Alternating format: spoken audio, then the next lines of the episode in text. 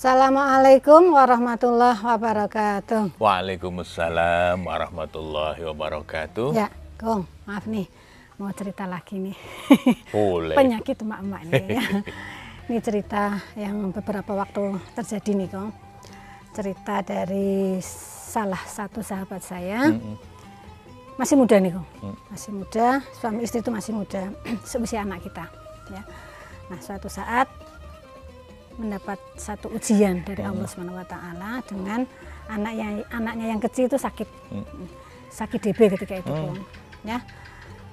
Sebetulnya sudah langsung diperiksakan dan opnam di salah satu rumah sakit ya, Kong. Tapi beberapa hari di rumah sakit tersebut itu tidak ada perkembangan. Artinya semakin semakin Drop ya? iya, semakin parah, semakin drop. Kemudian diru- dirujuk ke ke suatu rumah sakit yang lain yang yang Yang, yang, lebih, lebih besar lebih besar. ya ya. rujukan. Ya. Nah, ketika diperiksa di rumah sakit tersebut, Kong, kemudian dokternya itu keluar menemui suami istri Hmm. karena masalah ini, Kong. Apa yang dikatakan oleh dokter itu, Kong?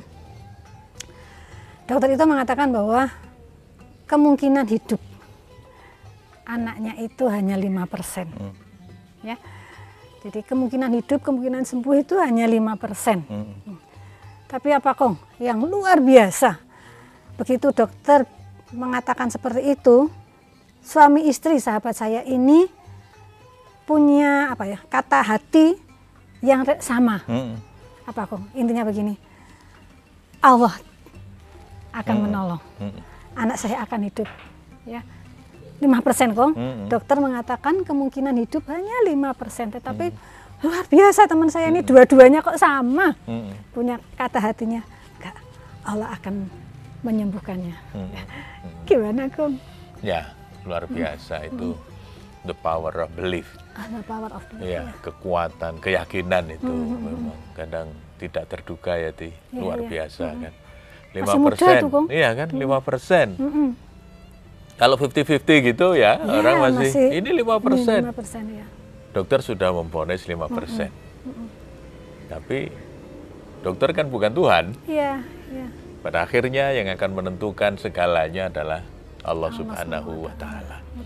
Nah, kebetulan sahabat ini luar biasa, dia yakin bahwa kalau sudah sampai waktunya pasti Allah akan mengambil. Tetapi kalau belum, Allah pasti akan menyembuhkan. Meskipun kata dokter 5%. 5%. Nah, ini kan berarti pasangan ini tidak kehilangan harapan.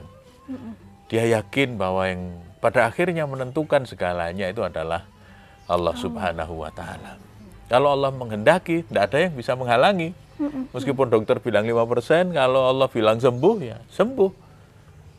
Nah, makanya yang dilakukan oleh sahabat kita itu sudah betul. Berdoa dengan sungguh-sungguh dan kemudian berikhtiar, artinya kemudian dari rumah sakit dirujuk ke yang lebih besar, dilakukan penanganan yang lebih baik. Itu kan sebuah ikhtiar yang maksimal. Karena orang hidup itu ya kita hanya bisa berdoa dan berikhtiar semampu yang bisa kita lakukan sebagai manusia. Kita lakukan yang terbaik. Tapi kalau sudah berdoa dan berikhtiar dengan sungguh-sungguh, ya faida azamta fatawakkal ala Allah. Pada akhirnya akan kita serahkan kepada Allah. Biarlah Allah yang memutuskan. Biarlah Allah yang menentukan apa takdir kita. Tapi doanya dan usahanya harus maksimal dulu. Jangan kemudian di awal sudah menyerah. Iya, Nah, ini kan meskipun sudah diberitahu 5%, tapi pasangan ini luar biasa tetap yakin bahwa kalau kita memohon, Allah pasti akan mengabulkan. Dia yakin bahwa dokter bukan Tuhan, yang menentukan hidup dan mati itu adalah Allah Allah. Yang menentukan masa depan anak ini akan seperti apa adalah Allah Subhanahu wa taala. Maka ini menjadi penting jangan biasa mengambil pekerjaan Tuhan. hmm, hmm. Itu yang sering kali bikin kita stres kan, Di. Belum-belum kita sudah memastikan ini 5%. Ini nggak bisa. Ini pasti gagal. Yang memastikan itu Allah.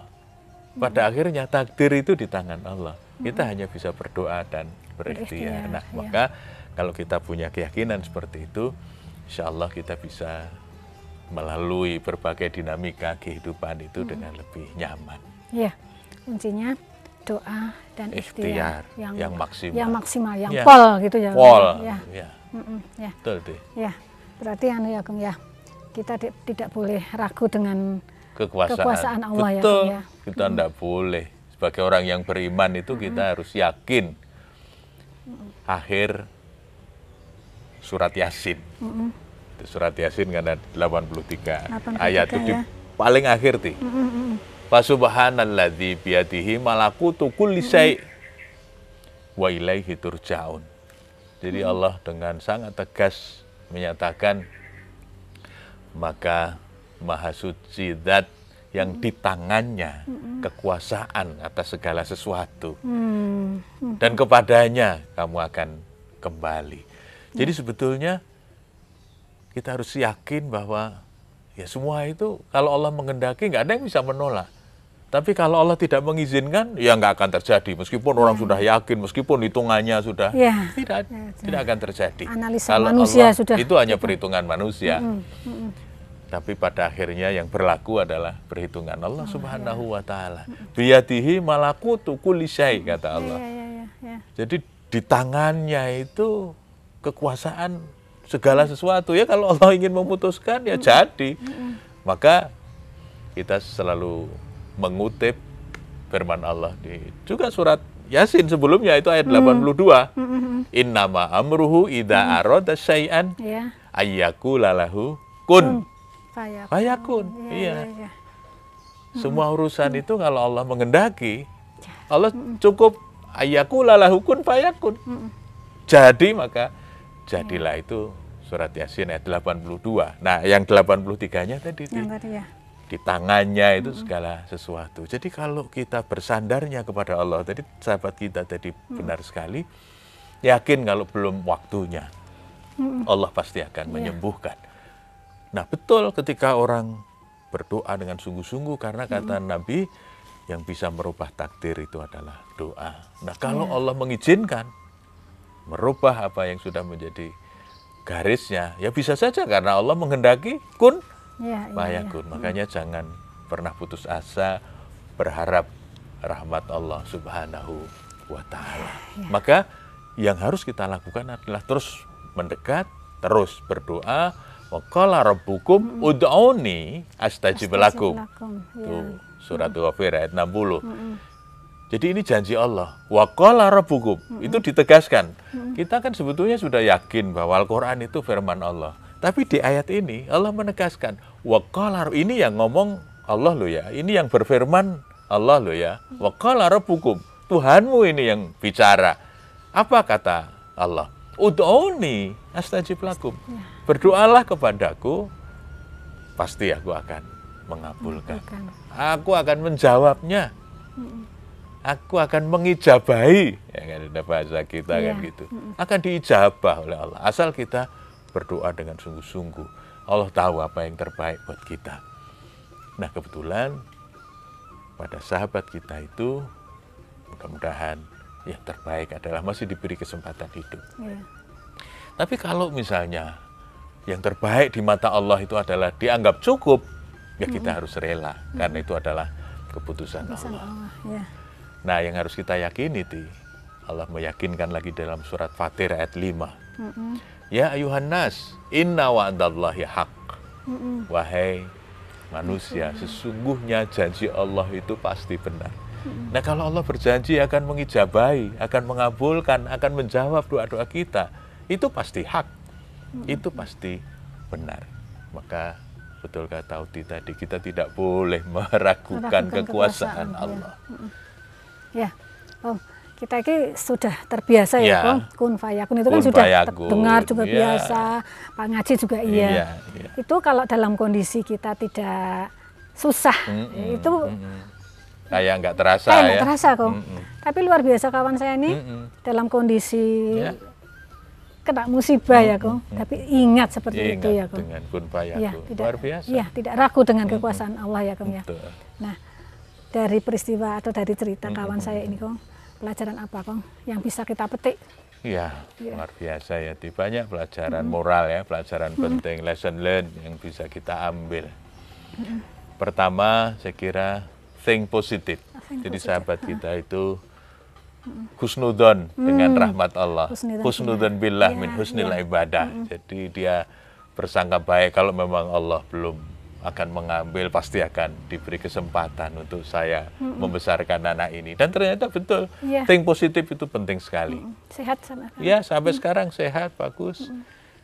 Maka latihan terus berpikir positif Husnudon husnudon billah. itu menjadi sangat penting dalam kehidupan. Yang kedua sekarang ada istilah yang disebut dengan gold digger. Gold. Ya, goal. Goal, Goal oh, itu goal, tujuan. goal. Oh, goal, ya, ya. bukan gold emas, tapi ya. goal digger. Jadi, kenapa disebut eh, penggali tujuan? Oh, Jadi, penggali itu ya dig, dig itu kan Oh, menggali. Nggih. Nah, goal digger itu artinya begini. Kita punya tujuan. Saya tadi pengen sembuh.